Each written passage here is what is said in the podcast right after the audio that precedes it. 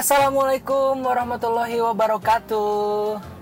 Sampurasun, salam sejahtera bagi kita semua. Ya ampun. Uh, Masih bareng aku ya Yunus Alkafi Tentunya di Unus Podcast. Yeay! Gitu. Kalian, eh kalian Kalian tau gak sih yang apa? Perkenalan-perkenalan member JKT48 gitu loh. Hah? Hai namaku Indi Aku suka sekali kopi dan senja. Yeay! Ya ada biar apa sih? Biar biar mengesankan eh, kegembiraan cheerful. Nah, itu aku pakai nih. Uh, bareng aku Yunus Alkafi tentunya di Unus Podcast. Yeay! Dan sekarang kita sudah memasuki episode ke-16. Yeay! Nggak lucu nus. Oke okay, sorry. Gue lucu-lucu sendiri aja. Maaf ya maaf ya. Um, ya udah episode 16 ya nggak kerasa ya. Berarti kalau sebulannya itu empat kali berarti udah empat bulan ya? Udah 16 bagi 4 ya empat bulan. Nggak kerasa udah episode 16 dan terima kasih yang masih ngedengerin atau mungkin ada pendengar baru. Hai uh, buat yang dengerin di Spotify dan di YouTube kalian lagi di Unus Podcast loh. Uh, walaupun aku tahu sih jumlahnya nggak banyak-banyak amat gitu ya. Tapi terima kasih udah nggak dengerin. Sampai episode 16 ini nggak kerasa banget. Sama kayak sama halnya kayak uh, tahun ini nggak kerasa ya udah Desember lagi gitu. Ini gimana gimana uh, gimana mas dengan resolusi resolusi kalian di tahun ini? Hmm? uh, masih tetap uh, dengan uh, keoptimisan kalian? Masih optimis masih bisa mengejar di minggu-minggu uh, akhir di tahun 2019 ini? Atau udah mulai ah udahlah tahun depan aja lah gitu ya? Mulai pesimis gitu? Atau mungkin ada uh, apa target-target yang tidak diduga gitu. Pencapaian-pencapaian yang tidak diduga. Contohnya kayak aku tahun ini uh, bisa mengurangi rokok ya. Aku nggak berani ngomong berhenti rokok karena ya, seminggu sekali mah masih ada lah aku ngerokok sebatang dua batang mah. Tapi ya dulu aku nggak pernah kepikiran mbak. Ih jauh lah aku dari kata mengurangi rokok tuh apalagi untuk berhenti tapi alhamdulillah puji Tuhan uh, uh, tahun ini aku bisa ngurangi rokok. Jadi ya gimana? Hmm? optimis? Pesimis? Harus tetap optimis lah ya harus tetap um, penuh harapan gitu jangan putus asa. Walaupun jangan jangan terlalu berharap ya karena kita udah sepakat bersama. Kita lu Kalinus iya sih di episode kemarin aku sempat ngomong bahwa harapan itu sumber dari kekecewaan. Banyak kekecewaan yang diakibatkan karena diri kita sendiri karena apa yang kita harapkan tidak sesuai dengan uh, realitanya dengan hasilnya. Dan itu apa sih kemarin itu kebanyakan uh, harapan-harapan itu uh, bersumber dari isi kepala kita. Apa yang uh, dari anggapan-anggapan kita tentang sesuatu cara pandang kita. Uh, misalnya guru itu ya episode kemarin kan guru kadang kita terjebak dengan label guru itu kan karena guru jadi harus ya bersikap uh, bijaksana uh, terdidik dewasa. Ya emang harusnya kayak gitu sih idealnya. Tapi uh, anggapan itu itu yang membuat kita kadang kesel atau kecewa atau kaget ketika ada guru yang marah marah nggak jelas gitu. Padahal di ya udah dijelasin ya kemarin kok aku jelasin lagi. Ya pokoknya ya guru juga manusia gitu. Guru guru juga kita kita nggak nggak pernah kebayangkan betapa care-nya guru itu sama kita atau dosen itu sama kita huh? padahal di sisi lain ada guru yang merasa gagal ketika nilai anak-anaknya ya anak didiknya jelek mungkin. Atau mungkin ya gitulah. Iya aku jadi ingat cerita hmm, temen aku. Dia kan dosen ya dosen muda.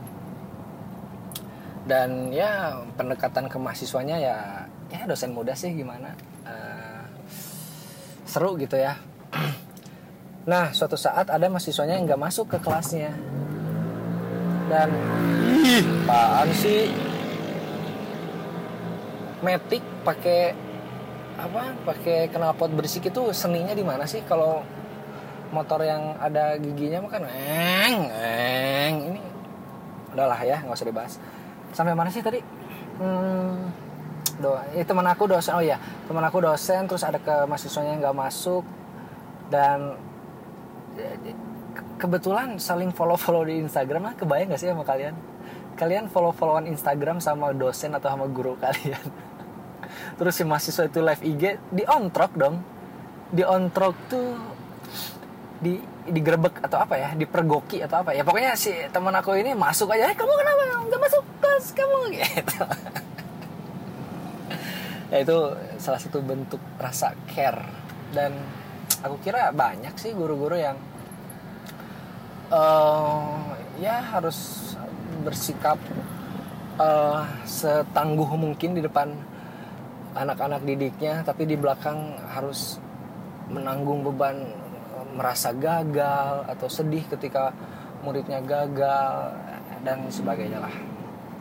Itu dia tadi ya karena kita kadang terjebak oleh isi kepala kita sendiri. Kadang kita terjebak dengan label-label yang uh, kita udah punya pandangan sendiri tentang label tersebut jadi ketika label itu ya ketika hal itu atau objek itu uh, bertindak atau ternyata realitanya tidak seperti apa yang kita yakini, kita kaget bahkan kadang kita kecewa. Guru juga itu manusia gitu. Apalagi coba apalagi biasanya kita tertipu oleh public figure. Hah? Kita selama ini melihat gitu ya, public figure uh, uh, uh, penghasilannya banyak, cantik, bahagia, banyak uh, syuting. Padahal kan ya ya banyak lah gitu nggak banyak sih uh, kita uh, pernah gitu menemukan artis yang terjerat narkoba artis yang uh, apa ya yang tahu-tahu kena undang-undang ITE atau uh, apa ya kadang kita uh, ngejat sendiri gitu kalau public figure itu harus jadi contoh. Karena dia banyak dilihat orang ya dia harus jadi contoh. Itu kan beban gitu. Maksudnya ya sama kayak guru tadi dia juga manusia loh. Dia juga punya punya kehidupan sosial yang ya sama kayak kita punya masalah juga gitu. Ah ini deh yang paling dekat gitu ya. Uh, banyak orang-orang yang kaget atau mungkin tidak sedikit yang kecewa ketika kemarin uh, apa sih itu? Ustadz Sosmed ya? Ust, apa sih Sosmed itu kepanjangannya? Ya pokoknya Ustadz Sosmed itu harus bercerai dengan istrinya kan. Ya ya gimana ya? Aduh bentar tuh kenapa? Ya maksudnya mereka bilang lu tuh ustadz kok cerai sih? Gitu. Nah harusnya aku balikin nih. Dia tuh ustadz kok nggak boleh cerai? Ya emang ustadz nggak boleh cerai ya sama kayak dokter emang dokter nggak boleh sakit nah? emang para psikologi nggak boleh punya masalah sendiri gitu ya? Kok para psikologi para psikolog gitu ya yang setiap harinya meladeni orang-orang yang bermasalah? Kan tidak menutup kemungkinan dia juga punya masalah gitu.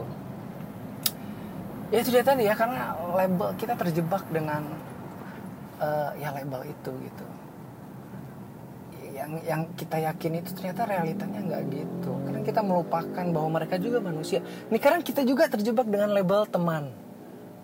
Pernah nggak sih kalian sih gitu sok nanya pernah kalian jawab juga bakal gak denger. Pernah nggak sih kalian uh, kayak ngerasa kesel atau kecewa atau kaget gitu ketika ada temen yang nikah tapi kok gue gak diundang ya? Tuh tuh nikah aja atau tuh udah punya anak anjir. Kok kok gue gak diundang sih gitu? Ya, itu mungkin karena karena di kepala kita eh, yang kita yakini itu bahwa eh, ya dia spesial buat kita. Maksudnya kalau kita nikah ya gue pasti undang dia lah. Tapi saat mereka nikah kita nggak diundang ya mungkin kita nggak sespesial itu di depan teman kita itu gitu. Dan dan itu nggak apa-apa. Ya udah sih gitu. Maksudnya oh ya udah gitu. Ya atau mungkin ada alasan-alasan yang lain nge ngepres budget mungkin ngepres catering ya kan kita nggak tahu gitu ya. Itu tapi itu tadi ya apa kadang gitu kita terjebak dan label. Karena apa yang kita yakini apa yang uh, pemahaman kita tentang suatu objek itu kadang kita sama ratakan gitu. Ketika kita menganggap ini adalah A kita menganggap semua orang juga menganggap ini tuh A gitu menganggap bahwa apa yang kita uh, anggap benar itu itu sebagai kebenaran tunggal gitu bahkan setiap orang beda-beda ya maksudnya pandangan orang atau pemahaman orang tentang suatu uh, objek atau suatu fenomena itu kan beda-beda gitu. Tergantung dari pengalamannya latar belakangnya lingkungannya ya, banyak lah ya. Um, apa lagi ya contohnya? Ini, ah, ini nih misalnya uh, ada teman yang lagi deket sama kalian gitu ya. Kalian habis uh, jalan bareng terus kalian pulang malamnya dia update lagu cinta gitu kan. Terus eh, ya ampun ya ampun dia dia update lagu ini ini pasti buat aku ini pasti buat aku. Eh, aku cari ah liriknya gitu kan. Terus dicari liriknya terus emang liriknya tuh emang romantis banget tentang cinta tentang jatuh cinta atau tentang kerinduan. Tuh kan tuh kan ini pasti buat aku pasti buat ya ampun. Tapi ternyata beberapa minggu kemudian dia jadi nama yang lain. Eh, kok kok gitu sih? Nggak maksudnya ya uh, ti, tidak hanya karena gimana ya kalimatnya?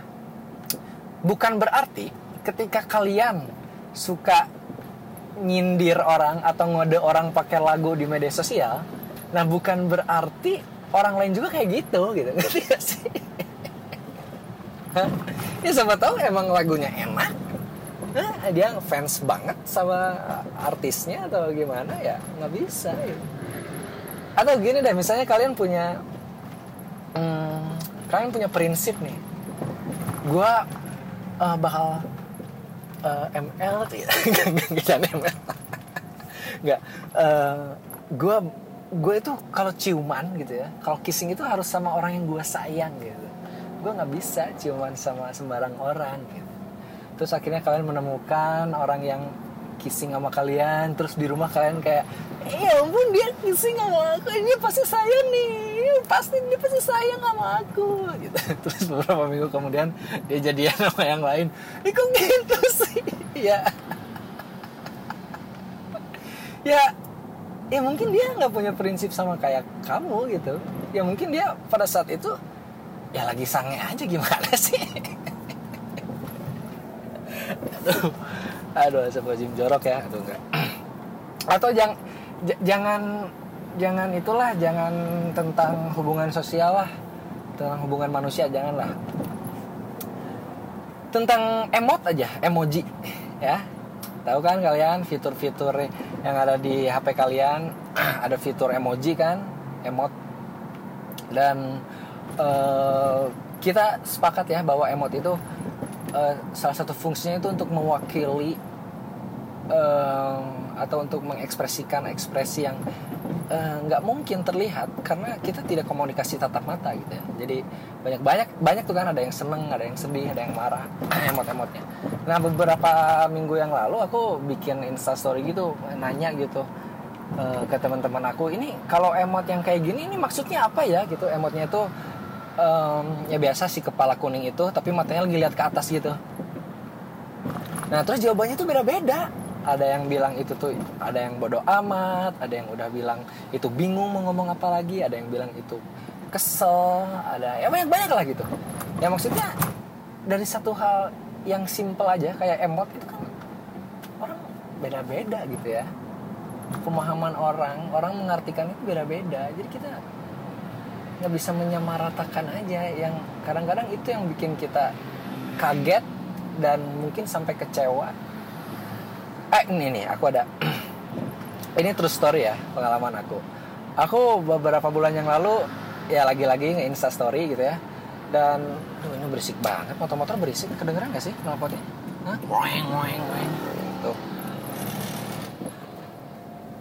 Oke, uh, ya beberapa bulan yang lalu aku lagi-lagi Insta Story, aku mempraktekkan, menyontohkan um, host-host Bigo.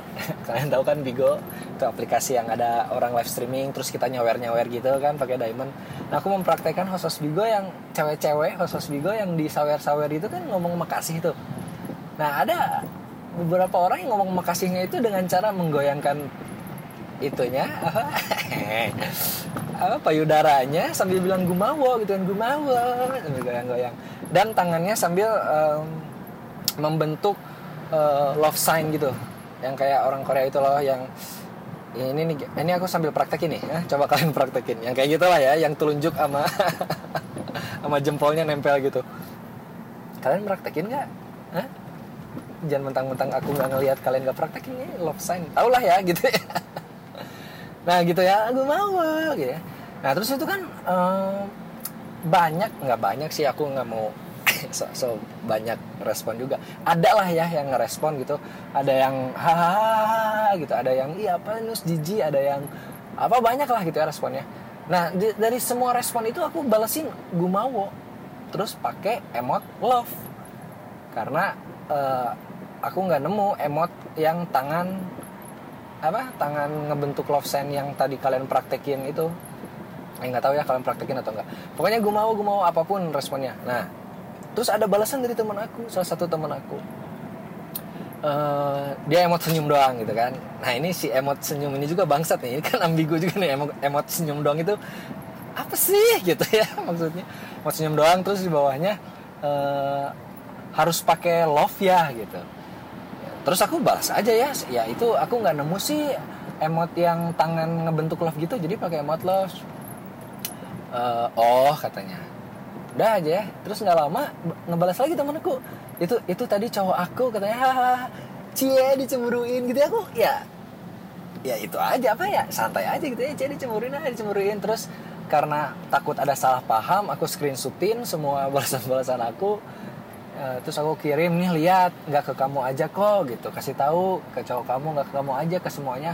Aku uh, ngasih emot love gitu dengan harapan biar nggak salah paham gitu ya. Karena kan nggak mau aku ngerusak hubungan orang gitu. Terus nggak lama di dikirimin lagi balasan dari suaminya gitu. Kayak aku nggak tahu ya. Aku nadanya marah atau gimana. Pokoknya uh, detail kalimatnya aku uh, lupa. Tapi intinya ya mana gue tahu gitu kalau lu tuh bercanda. Kita kan nggak kenal katanya. Makanya kalau bercanda sama yang nggak kenal itu uh, ya dijaga lah gitu kan. Nggak nggak semua orang tahu jokes lu nggak nggak semua orang tahu bercanda lu gimana. Terus uh, lagian aku nggak pernah tuh katanya ngirim-ngirim emot love gitu ke cewek-cewek lain kata cowoknya. Terus aku kan kayak eh apaan sih? Gitu ya kalau perkara harus ngejok sama orang yang kenal kan aku itu chatnya ke teman aku yang udah kenal ya maksudnya teman aku kan punya tahu gitu kapasitas aku di situ bercanda gitu. Da, terus masalah dia nggak pernah ngasih emot love ke cewek-cewek yang lain ya?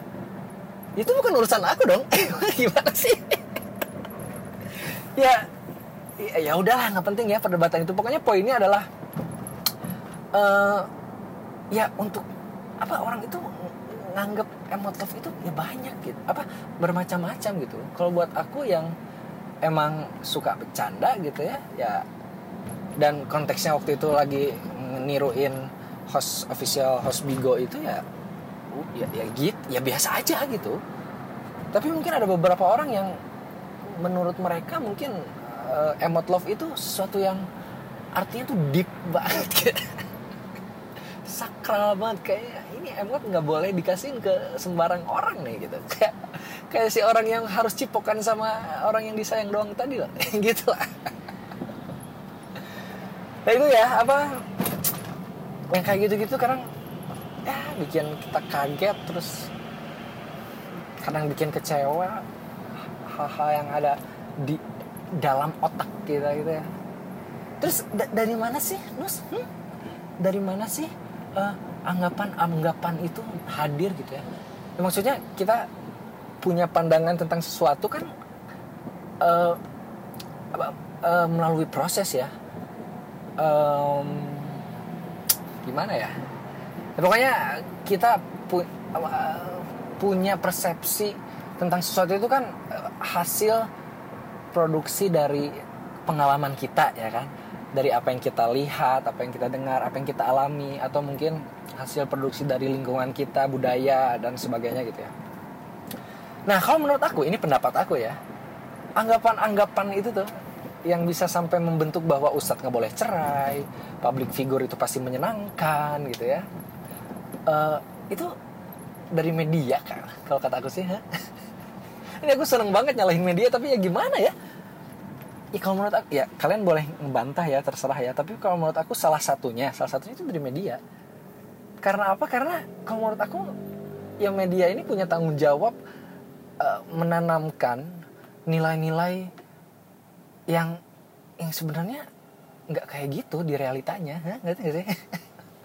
Terlalu banyak settingan di ini terutama media hiburan gitu ya. Media hiburan apalagi media sosial. Hmm, tentunya itu sangat sangat uh, menyemukan realita. Sangat membuat blur realita.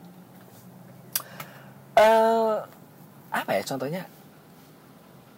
Masih ada nggak sih orang-orang di luar sana yang menganggap bahwa acara itu tuh apa yang putus-putus tuh katakan putus ya Put, uh, putus bos ya apa sih? Ya itulah yang ada orang um, ngemergokin pasangannya lagi selingkuh gitu lah katakan putus atau apalah gitu. Nah masih ada nggak sih orang yang percaya bahwa itu tuh itu tuh real asli gitu? Itu kan settingan enggak ya ah, iya nggak sih?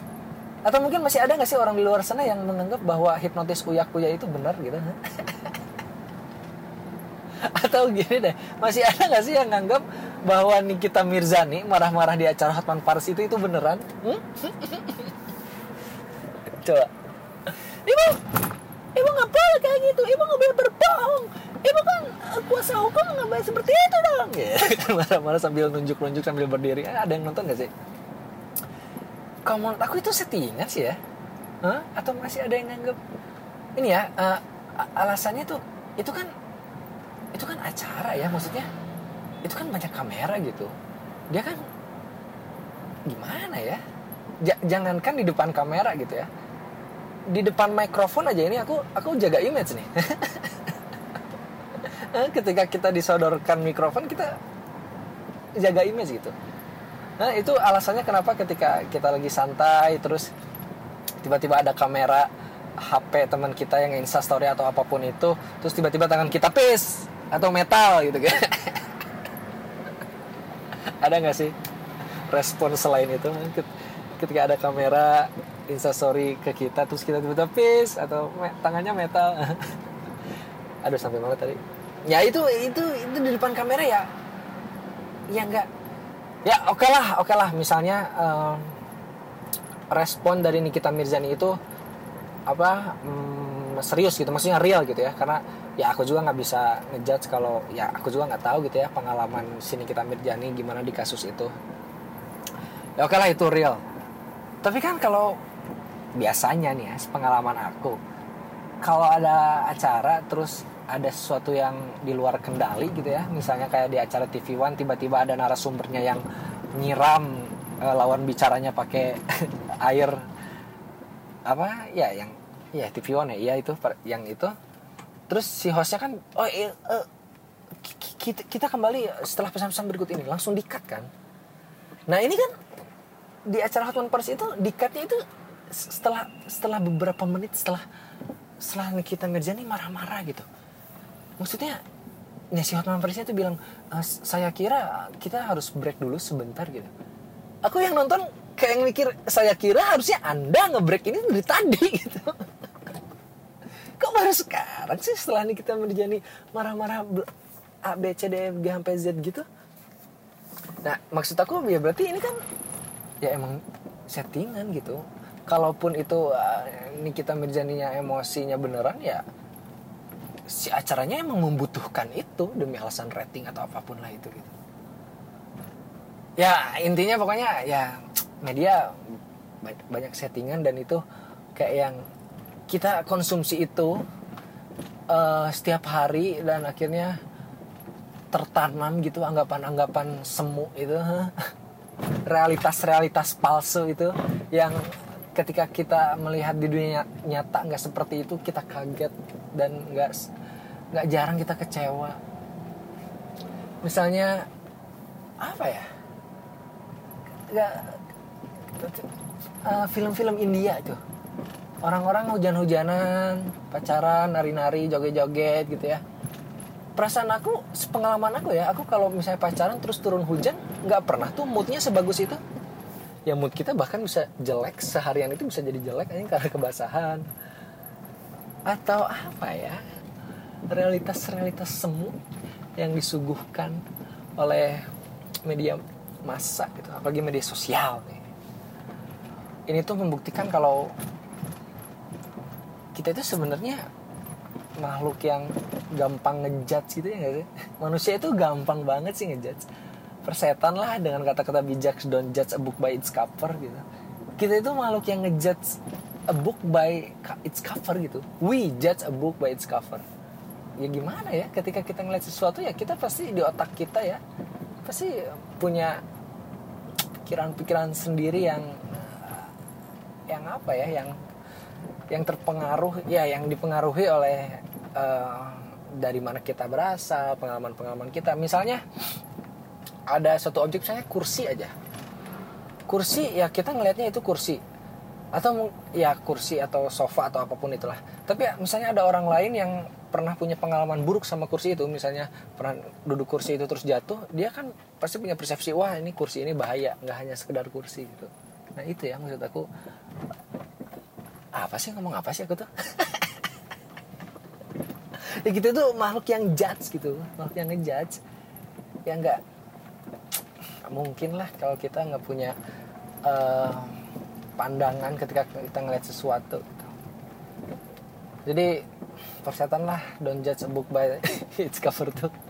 Dan itu mengapa cewek-cewek pada sibuk uh, apa perawatan skincare itu untuk memperbagus cover mereka ya kan? Dan itu mengapa juga kalau kita bimbingan yang pertama dinilai itu kan judulnya kan nah sebelum masuk ke bab satu bab dua bab tiga ya ini yang buat yang lagi nyusun skripsi atau tesis atau tugas akhir. Kan dari judulnya dulu kan yang dikoreksi itu. Judul itu adanya di mana? Di cover dong. We judge a book by its cover. Apa apalah manusiawi sih kalau menurut aku. Tapi kalau judge judgementnya salah ya menurut aku itu uh, ya proses aja proses sampai akhirnya kita menemukan penilaian yang baru yang mungkin lebih apa lebih bijak lebih dewasa mungkin. Contohnya perceraian gitu kan. Hah? yang berkembang kan yang diyakini sama orang-orang tentang perceraian itu kan hal yang uh, mohon maaf ya hal yang nggak bagus lah gitu ya. Hah? makanya ketika ini terlebih Ustadz sosmed gitu yang cerai kok udah Ustadz kok cerai lagi? gitu tapi makin sini makin sini kita makin ketemu sama orang-orang yang pernah punya pengalaman bercerai kayaknya nggak nggak seburuk itu maksudnya uh, bisa jadi perceraian itu emang proses yang harus dilalui untuk sampai akhirnya menemukan jodoh yang selanjutnya lagi yang bisa lebih bahagia dari sebelumnya ya nggak sih? Hah? Aduh ngomong apa sih aku? Eh udah hampir setengah jam. Jadi ya kesimpulannya we judge a book by its cover. Cige. Aduh sebenarnya aku tuh mau ngeluangin Allah Akbar mau ngeluangin apa waktu 5 menit buat merespon respon dari teman aku nih. Jadi di episode kemarin itu ada yang ngerespon nih. Um, tentang apa orang berubah karena cinta ntar mana ya tentang cinta dan ekonomi berubah karena cinta dan uang nah ini nih dia nge WhatsApp gitu. Uh, by the way kalau ngomong ngomong masalah cinta kalau misal nih ada seseorang yang katanya cinta sama wanitanya tapi dia masih nggak bisa mengubah sifat yang nggak disukai si wanitanya apa itu artinya dia belum mencintai wanitanya secara asli murni? Apa sih itu namanya deh? Ya pokoknya itulah ya. Pokoknya intinya uh, kan kemarin itu ngomongin tentang orang itu bisa berubah karena cinta. Salah satunya aduh sorry. Satunya karena cinta gitu ya. Tapi gimana dengan kasus ada cowok yang ya ada satu pasangan yang nggak bisa berubah dengan hal yang nggak disukai sama pasangannya? Dan itu apakah meng, me, apa berarti bahwa pasangan itu tidak terlalu cinta nggak benar-benar cinta? Uh, kalau menurut aku sih ya cik ini kayak kayak kayak motivator motivator gitu ah iyalah motivator. Nggak ini respon aku. Ini diskusi ya. Ini kita diskusi aja. Diskusi. Ini kan dua arah ya. Um, kalau menurut aku ya coba putusin deh. Eh, mungkin dia mungkin ego si cowok itu lagi lagi gede-gedenya gitu. Karena karena mungkin uh, ya udah cowok itu punya ego punya kayak yang punya anggapan ah cewek ini mah gak bakal ke mana-mana gitu. Gue mau gimana gimana juga udah udah gue pegang gitu. Jadi egonya lagi tinggi tingginya jadi ya ih, coba putusin deh. Atau ini atau atau mungkin sifat yang cewek itu nggak disukainya emang udah jadi um, apa karakter ya? Apa ya? Pokoknya ada ada sifat bawaan manusia yang emang udah dari lahir dan itu susah untuk diubah bahkan nggak mungkin diubah gitu kalau kalau sifat-sifat yang atau gimana ya kalau kebiasaan mah mungkin bisa masih bisa diubah ya kayak mungkin uh, cewek itu nggak suka cowoknya suka mm, uh, chat-chat sama cewek lain gitu atau mungkin karena kalau janjian suka telat itu kan bisa diubah gitu ya uh, masalahnya dengan kebiasaan behavior itu mah ya. kalau yang udah sifatnya kayak uh, temperamen atau mungkin nggak enakan itu kayaknya nggak bisa diubah deh. Ini true story ya ada pasangan um, suami istri gitu di mana uh, suaminya itu nggak enakan.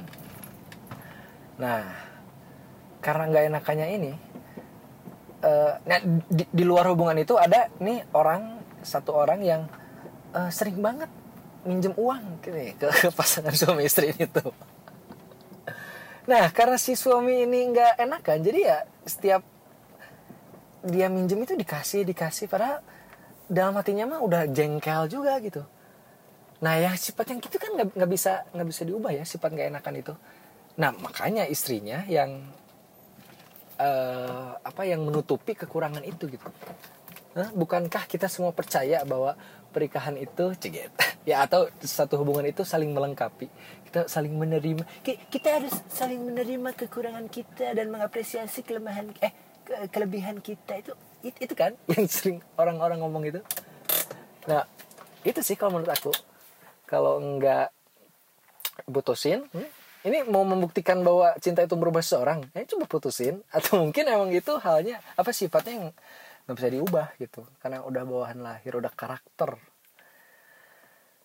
aduh capek juga ya ngomong ya udahlah ya udah lebih dari setengah jam juga uh, buat teman-teman yang masih nggak dengerin terima kasih Terus buat teman-teman yang pengen kayak teman aku ini uh, ngerespon podcast aku, cegit. Anjing kepedean banget gak sih? Boleh langsung cegit. Anjing jijik. nggak beneran. Kalau ada ini siapa tahu tidak menutup kemungkinan kan walaupun pendengarnya nggak banyak banyak amat ini pengen ya pengen sharing atau pengen berpendapat tentang apa yang aku omongin kita diskusi lah. Boleh boleh kirim DM aja ke media sosial aku. Boleh Twitter boleh Instagram. Atau anjir aku tuh bikin email tau buat podcast ini tuh. Udah siap terkenal aja loh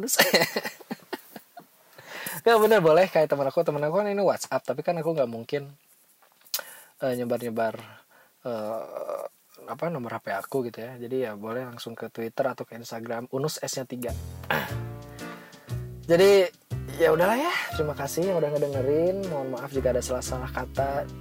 Uh, dan sekali lagi terima kasih udah mendengarkan. Sampai jumpa di episode selanjutnya. Tetap di Unus Podcast akhir kata si Yunus Alkafi beserta seluruh kru kerabat yang bekerja. Pamit undur diri. Assalamualaikum warahmatullahi wabarakatuh. Sampurasun.